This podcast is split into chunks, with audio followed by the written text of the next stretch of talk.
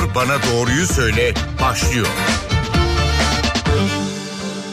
NTV Radyo stüdyolarına hoş geldiniz. Ben Öykü Özdoğan. Doktor Bana Doğruyu Söyle programındasınız. Ekim ayı meme kanseri farkındalık ayı. Biz de bu hafta kanser tedavi yöntemleri üzerine sohbet edelim istedik. Stüdyo konuğumuz MSA Hospital'dan radyasyon onkolojisi uzmanı Nilüfer Kılıç Duran Kuş. Hoş geldiniz stüdyomuza. Hoş bulduk. Telefon numaralarımızı hatırlatalım. 0212 335 47 20 335 47 20 nolu telefondan bizi arayıp kanser tedavi yöntemleriyle ilgili soruları sorularınızı stüdyo konuğumuza iletebilirsiniz.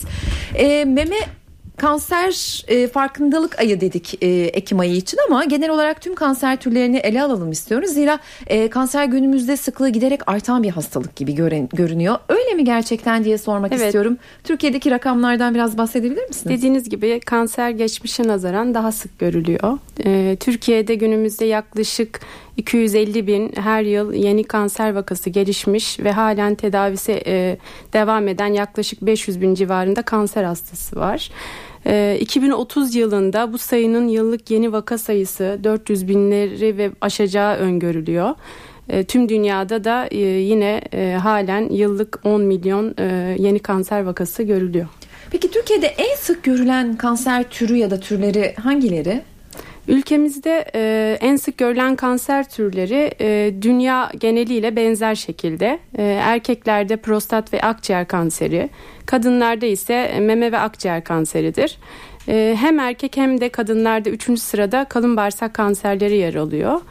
E, en çok ölüm ise genelde akciğer kanserinden olmakta e, ve kanserde ölümde görülen bu farklılığın nedeni ise meme ve prostat kanserinin tedavilere nispeten daha iyi cevap vermesinden kaynaklanıyor. Tüm bu tedavi yöntemlerini süremiz el verdiğince konuşacağız tabii ama e, önce bu kanser e, defalarca soruldu konuşuldu ama her zaman konuşmakta fayda var. Neden olur diye sormak istiyorum.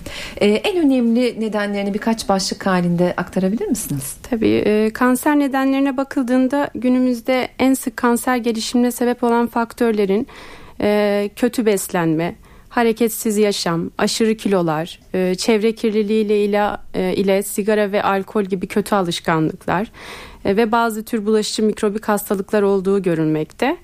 Ee, buna en iyi kanıt e, Amerika Birleşik Devletleri'nde yaşayan e, ve 300 bin 400 bin kişiden oluşan bir Amish topluluğu. Hı hı. E, bu topluluk inançları gereği sadece kendi yetiştirdiği ürünleri tüketiyor.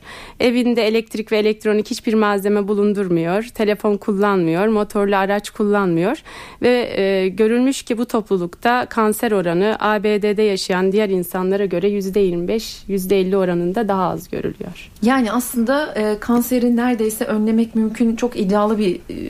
E, %85 oranında bunlar faktör. O zaman e, %85 oranında kanserden korunabiliriz diyebiliriz. Korunmak mümkün evet. diyebiliriz.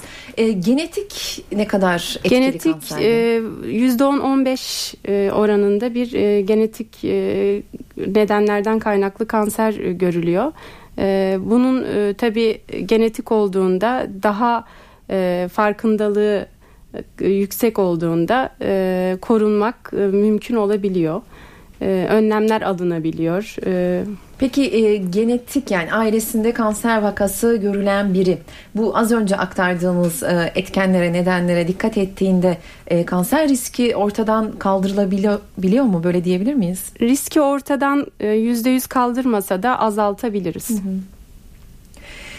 Tedavi yöntemlerini konuşacağız e, ama öncesinde teşhis koyuldu. Hastayı nasıl bir süreç bekliyor?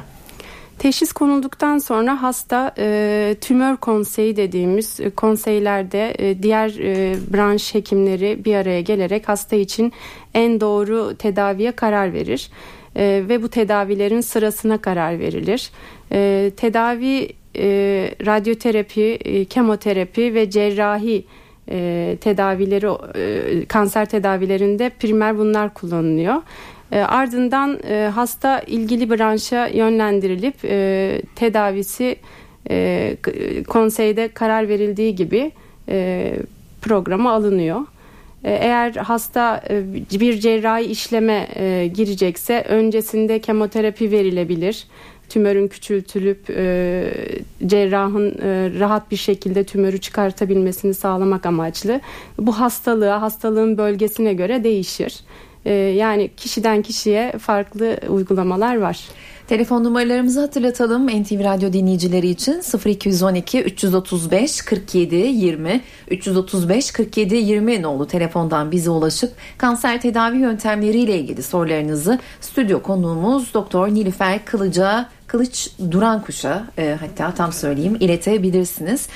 E, bir tedavi yöntemlerinin başlıklarını atalım sonra tek tek konuşmaya başlayalım dilerseniz. Kanser hastalarında e, cerrahi, yani ameliyat, e, ilaç tedavisi, kemoterapi yani ve ışın tedavisi dediğimiz radyoterapi uygulanmakta.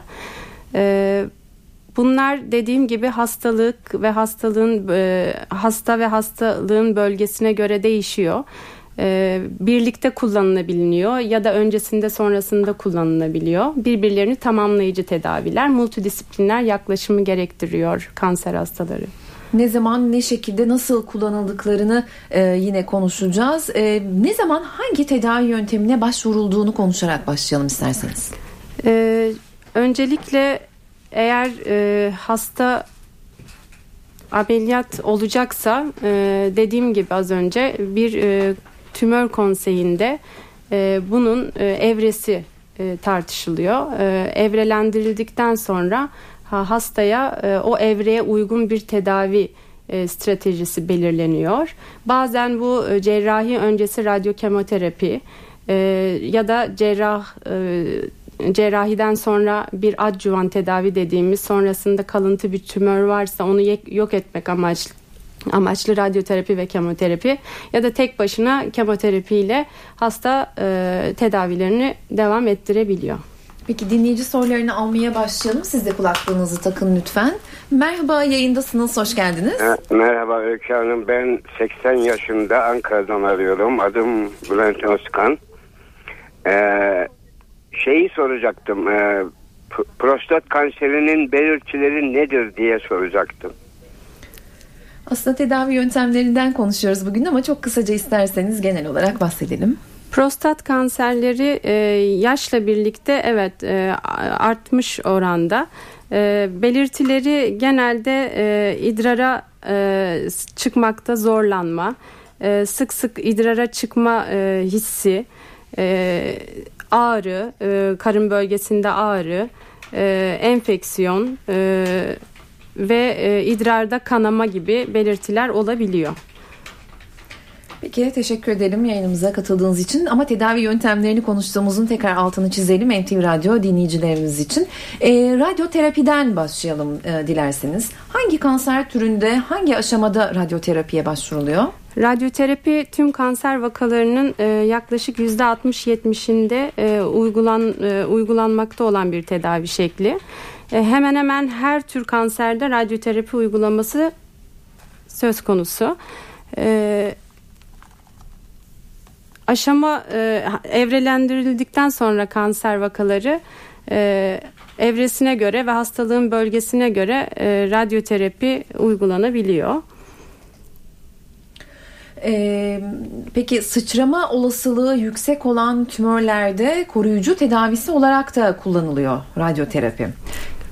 Evet. Ne bu, kadar süreyle uygulanmalı korunma aşamasında? Şöyle bu e, akciğer kanserinin bir türü için geçerli. Küçük hücreli akciğer kanserleri beyne sıçradıkları, e, beyni sev, e, sıçrama bölgesi olarak beyni sevdikleri e, sevdiği için e, oraya metastaz olasılığı çok yüksek ve biz hastanın lokal tedavisini tamamladıktan sonra e, yaklaşık bir ay geçtikten sonra koruyucu amaçlı tüm beyin radyoterapisi uyguluyoruz ve bu da hastalığın e, metastaz oranını e, riskini azaltmış oluyor. 0212 335 47 20 telefon numaralarımız. Stüdyo konumuz Doktor Nilüfer Kılıç Duran Kuş'la kanser tedavi yöntemleri üzerine konuşuyoruz ki şu an radyoterapi e, üzerine bilgilerini paylaşıyor e, doktorumuz.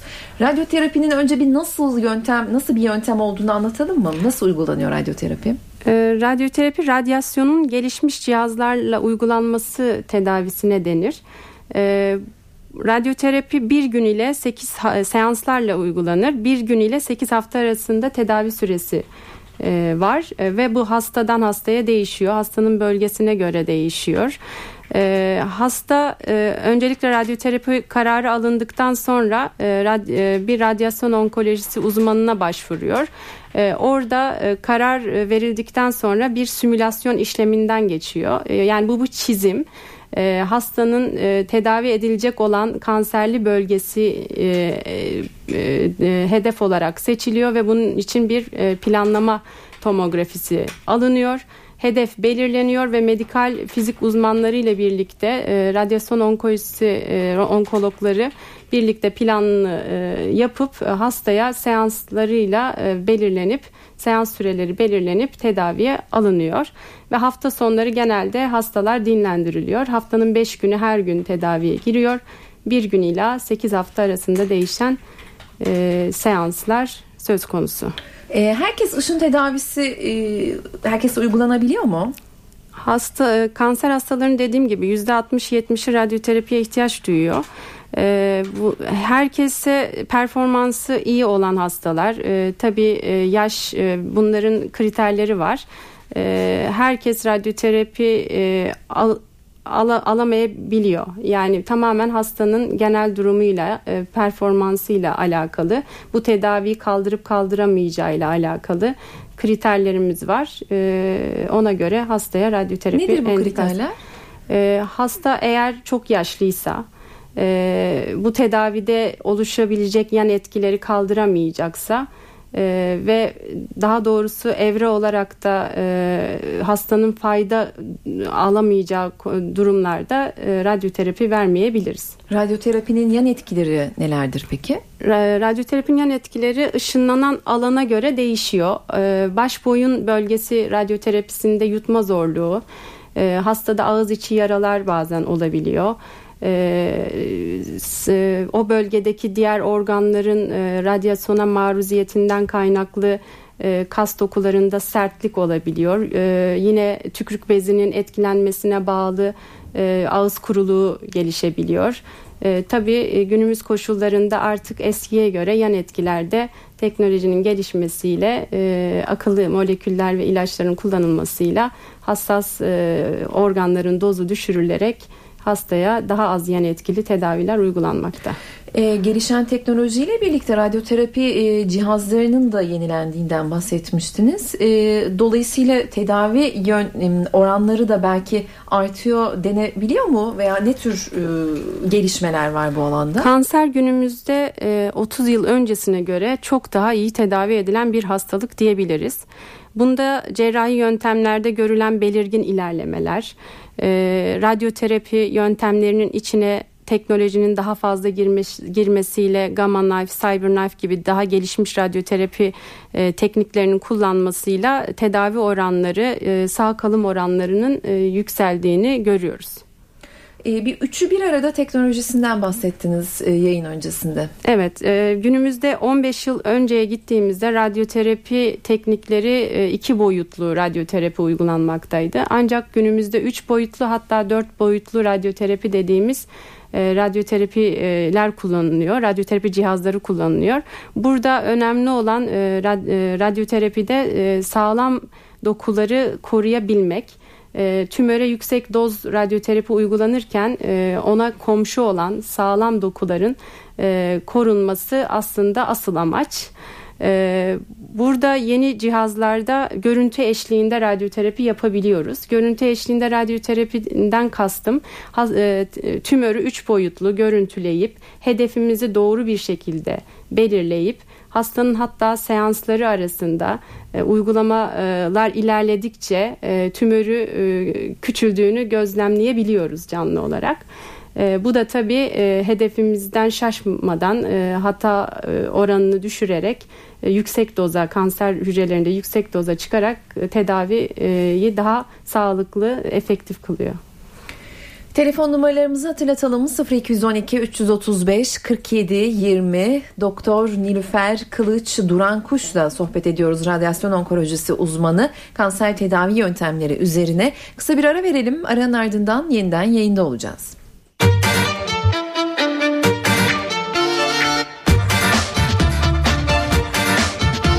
Doktor Bana Doğruyu Söyle devam ediyor.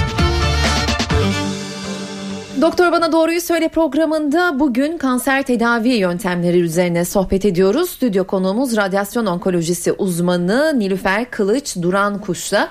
Ee, ışın tedavisinde kalmıştık reklam öncesinde. Ee, ışın tedavisi uygulamasında nelere dikkat etmek gerekiyor? Oldukça da telefon var ama telefonlar öncesinde uygun doz çok önemli galiba değil mi? Evet şunu biliyoruz ki eğer e, kanser hücreleri yüksek dozda radyasyon e, verirsek gerçekten yok oluyor. Ama bunun zorluğu insan vücudunda sağlam dokular riskli organların arasına yerleşmiş bir tümörün yüksek dozda radyasyona maruziyeti esnasında sağlam dokuları ne kadar koruyabiliyoruz? Ee, en önemli şey burada bu oluyor ve son teknoloji cihazlarda ki bizim e, özel EMS hastanesinde kullandığımız e, üçü bir arada teknolojisi e, IMRT dediğimiz sağlam organlarınız diğer cihazlara göre neredeyse 3 e, kat daha az radyasyona maruz bırakan e, bir teknik kullanılıyor. E, bu da tedavi sırasında ve sonrasında yaşanacak yan etkileri büyük oranda azaltmakta ve hastanın hayat kalitesi gerçekten günlük yaşantısında işe gidip gelebiliyor hale bile getirebiliyor. Kanserli bölge için gerekli ve yeterli dozlar rahatlıkla uygulanıyor ve etkili bir şekilde tümörün kontrolü deneyimli hekim ve ekibiyle artık sağlanabilmekte. Peki gelişen teknoloji deyince tabii insan şunu merak ediyor. Herkes faydalanabiliyor mu bu gelişen teknolojiden? SGK kapsamında mı ki bu? Evet e, bu e, bizim e, merkezimizde hiçbir fark ödenmeden hastalarımıza bu tedaviyi, bu pahalı tedaviyi uygulayabiliyoruz. SGK kapsamında.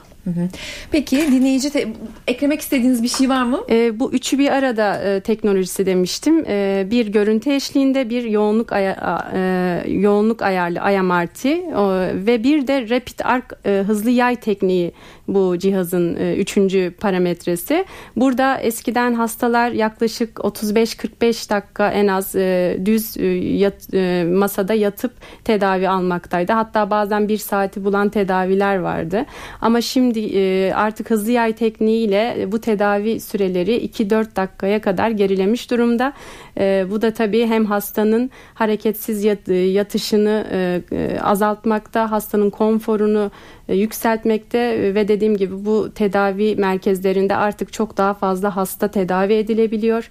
E, hasta randevuları uzamıyor. E, günlük tedavi edilen hasta sayısı daha fazla ve bekletilmeden en önemlisi hasta bekletilmeden tedavilerini alıyor. Bu tedavi yöntemlerinden sonra e, hastalar günlük hayata e, ne zaman nasıl dönüş yapabiliyorlar? Günlük hayata hastanın e, aslında radyoterapi günlük hayatı çok kısıtlayan bir tedavi Hı. değil bölgesine göre ve hastanın evresine göre değişiyor. Eğer hasta metastatik bir evre ise evre 4 dediğimiz bu tabi genel olarak e, tümör yükünün fazlalığından kaynaklı hastanın e, mevcut şikayetleri olabilir. Ama küratif dediğimiz işte tedavi olabilecek erken evre hastalarda genelde hastalar tedaviye gelip 10-15 dakika tedavisini aldıktan sonra işine de gidebiliyor tamamen e, hastaya bağlı erken evre hastalarda hayat kalitesi e, şu teknolojiyle çok fazla düşmüyor. Peki dinleyici telefonlarını almaya başlayalım.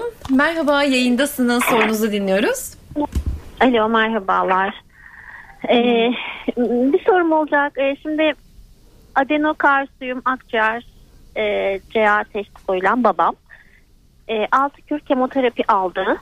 Evet. E, ondan sonra fakat bu kemoterapiye rağmen e, ilk başında 2 santimetre olan kitle şu an 7 santim oldu. E, sırt ağrılarım başladı. Radyoterapiyi bu anlamda önerir misiniz? E, şu an zaten hiç kalkamıyor. Sürekli yatıyor. iştahsızlık, e, yorgunluk e, falan da var. Bir de yakın bir süre önce e, hani kardeşler arasında hep biri birine daha yakındır. E, amcamı kaybettik. Ondan sonra babam inanılmaz kötü oldu. Ee, yani bu durumda radyoterapi önerir misiniz Sonra. diye sormak istiyorum. Öncelikle çok geçmiş olsun. Ee, evet günümüzde dediğim gibi akciğer kanseri çok sık. E, adenokarsinomlar e, yine e, en fazla görülen tiplerinden. E, kemoterapiye tabii e, yanıt verememiş olması e, hastalığın tabii akciğerde nerede lokalize olduğunu bilmek gerekiyor bu konuda. Eğer bir e, ana solunum yoluna bir bası söz konusuysa ya da oradan geçen e, bir sinire baskı söz konusuysa radyoterapi uygulanabilir. E, evresini de biliyor olmak lazım. E, bunlar genelde daha sonrasında metastaz kemiğe metastaz yapabiliyorlar. Metastatik akciğer kanserlerinde kemik kemik metastazlarında ağrı olabiliyor. Ve radyoterapi bu anlamda bayağı etkili. Ee, biz e, hemen hemen tüm kanserlerin kemik e, metastazlarında ağrı kesici özelliğinden faydalanıyoruz. Çünkü hangi evre olursa olsun radyoterapi e, uygulandığı yerde ağrıyı keser. İsterseniz babanız için bir radyasyon onkoloğu uzmanı görüşü alın. Faydasının olacağını düşünüyorum. Geçmiş olsun diyelim. Diğer dinleyicimizi aldık yayına. Merhaba buyurun. Aa, merhabalar. Ee, ben Antalya'dan arıyorum. Ee, İstanbul'da yaşıyordum. Benim ailemde epeyce kanser tedavisi gören ve kanserden hayatını kaybeden kişiler var. E, benim dedem, babaannem e, kanserden kaybettim. E, annem de meme kanseri tedavisi görüyor. 13 yıl önce ameliyat olmuştu ama hala tedavisi devam ediyor. E, bu korku korku da dememek lazım ama önlem. E, beni Antalya'ya yerleşmeye en azından çocuklarımın daha temiz bir havaya ulaşması için yerleşmeme neden oldu. Ama şimdi sizin programınızı dinlerken şu aklıma geldi e, ailesinde çok fazla olanların oranı yüzde on beş hatta artabiliyor. E, daha kırsala, daha temiz havaya Amerika'dakiler gibi daha organik hayata giderken ama yerleşik bir hayata geçtikten sonra e, yakalandığımız zaman bunun tedavisi için e, büyük şehirlere tekrar mı yerleşmemiz gerekecek? E, hangi illerde bu tedavileri görebiliyoruz? Yoksa ancak büyük şehirler İzmir, Ankara veya İstanbul gibi büyük şehirlerde mi görebiliyoruz? Yoksa küçük illerde de bu tedavileri olabilecek miyiz? e, benim için önemli. Çünkü insanlar yerleşik hayata geçtikten sonra tedavi için daha büyük yerlere yerleşmesi çok zor olabiliyor. Teşekkür ediyorum. Geçmiş olsun diyorum. Ee, tabii büyük şehirlerde e, hasta sayısı fazla. E, oraya destekler daha fazla oluyor. E, ama günümüzde Türkiye geneli e, hemen hemen büyük illerin hepsine e, artık bu hizmeti e, sunma çabasını görüyoruz. E, tabii ki büyük şehirlerde biraz daha e, bu merkezlerin sayısı fazla. E, yani ilçe bazında açıkçası bu tedaviler biraz daha zor. Telefon numaralarımızı hatırlatalım 0212 335 47 20 335 47 20 nolu telefondan bize ulaşıp kanser tedavi yöntemleriyle ilgili sorularınızı radyasyon onkolojisi uzmanı Doktor Nilfer Kılıç Duran Kuş'a iletebilirsiniz diyelim. E, kemoterapiden bahsedelim biraz da dilerseniz. Ne zaman e, kemoterapi tercih edilebiliyor ve tedavi süreci e, ne kadar sürmeli? Veya sürebilir?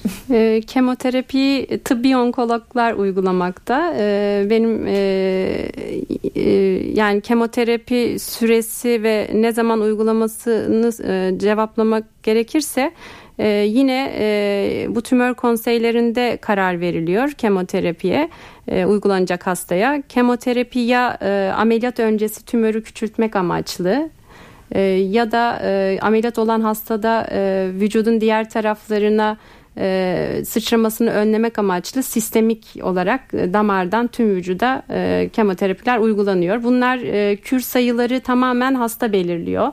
Hastanın evresi, hastanın e, nüksedip etmemesi, metastatik olup olmaması e, çok yönlü değerlendirilip karar verilen e, kemoterapi kürlerine karar veriliyor. Bir dinleyici, dinleyici sorusu daha alalım. Merhaba yayındasınız buyurun lütfen.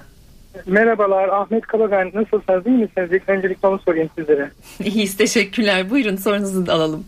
Ee, ben şöyle söyleyeyim e, yaklaşık bir 6 aydan e, doktora gittim. E, ben de şey olduğunu söylediler. Bu gizli guatr olduğunu söylediler. Zehirli guatr olduğunu söylediler.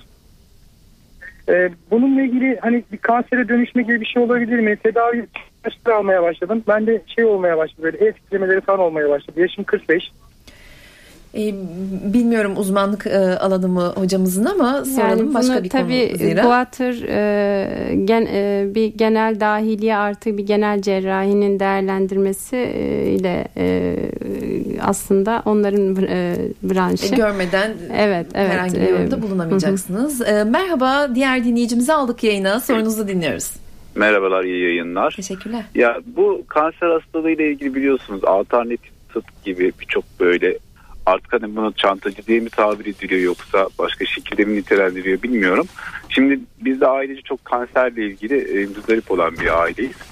Annem yeni daha rahim kanseri işte rahim alanında e, radyoterapi görecek, kemoterapi de görecek. 6 ay bir süre tedavisi pişti doktorlar.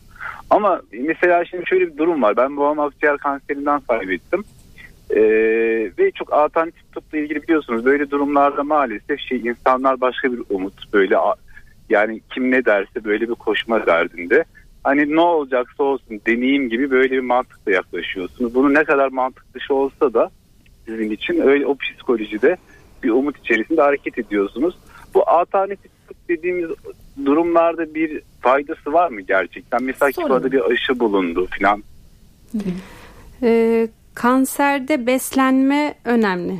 Kesinlikle önemli ve e, bu alternatif e, tıp dediğimizde daha çok beslenme ile ilgili e, işte otlar, e, yeni bulunmuş e, değişik e, kombinasyonlar.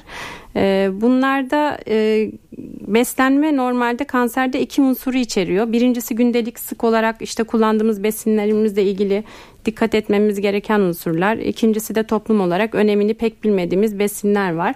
Bunlar da aslında önemli. E, kuşkonmaz, kara hindiba, zerdeçal gibi besinlerle ilgili bilgilerimizi arttırmakta fayda var. Bu tabii alternatif tıp dediğimiz e, yine bu beslenme şekliyle aslında daha çok paralellik gösteriyor. E, alternatif tıbbın e, tabii araştırılmış şeyleri uygulamak her zaman daha e, güzel e, kanıtlanmamış şeyleri çoğu zaman bazen tedavinizi bile etkileyebiliyor. E, bunu e, doktorunuzla paylaşmadan hiçbir şey kullanmıyor, kullanmayın e, diyebilirim. İmmünoterapi nedir? E, immünoterapi, e, biyoterapi de deniliyor bu tedaviye. Kanser gibi hastalıklarla savaşması için bağışıklık sisteminin bazı parçalarını kullanmayı amaçlayan kanser tedavisi yöntemlerinden biri kanser hücreleriyle savaşması için bağışıklık sistemini çok daha fazla ve güçlü bir şekilde çalışması için uyarılıyor ve bağışıklık sistemine protein ve buna benzer özel bileşenler vermek gibi iki tane yöntemi var. Cerrahi müdahaleden de e, bahsedelim. Yavaş yavaş programın sonuna geliyoruz. E, hangi durumlarda e, gerekiyor ve herkes uygulanabiliyor mu? Çünkü bir takım ön yargılar da vardır. Kanser hastalarına e, neşter vurulmaz gibi. Hala var mı gerçi bu ön yargılar? Kesinlikle e, bunlar tabii e, yanlış bilinen, e, do- doğru bilinen yanlışlar arasında. E, hastayı tümör yükünden ne kadar kurtarırsanız o kadar iyi.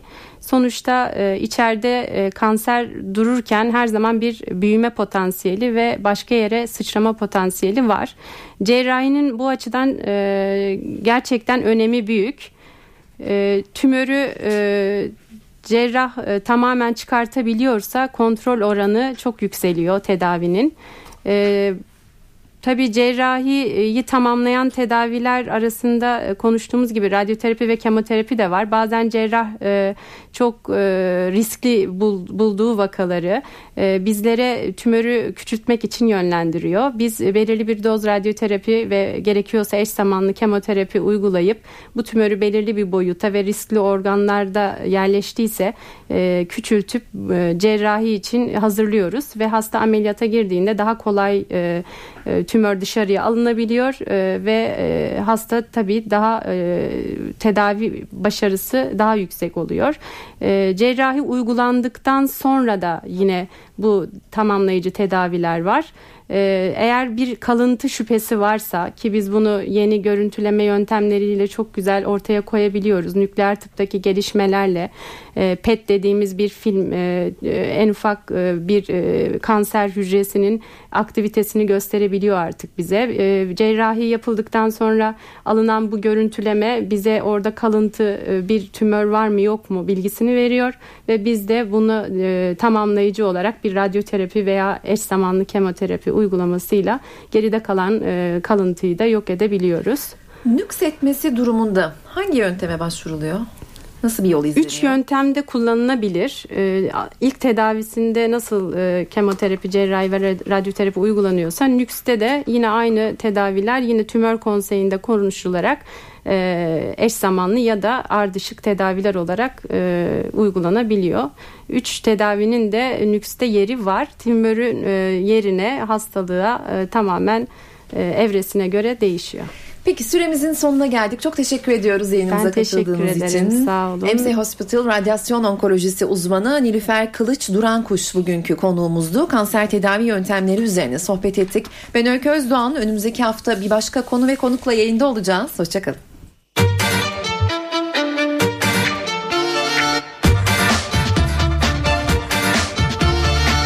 Doktor bana doğruyu söyle.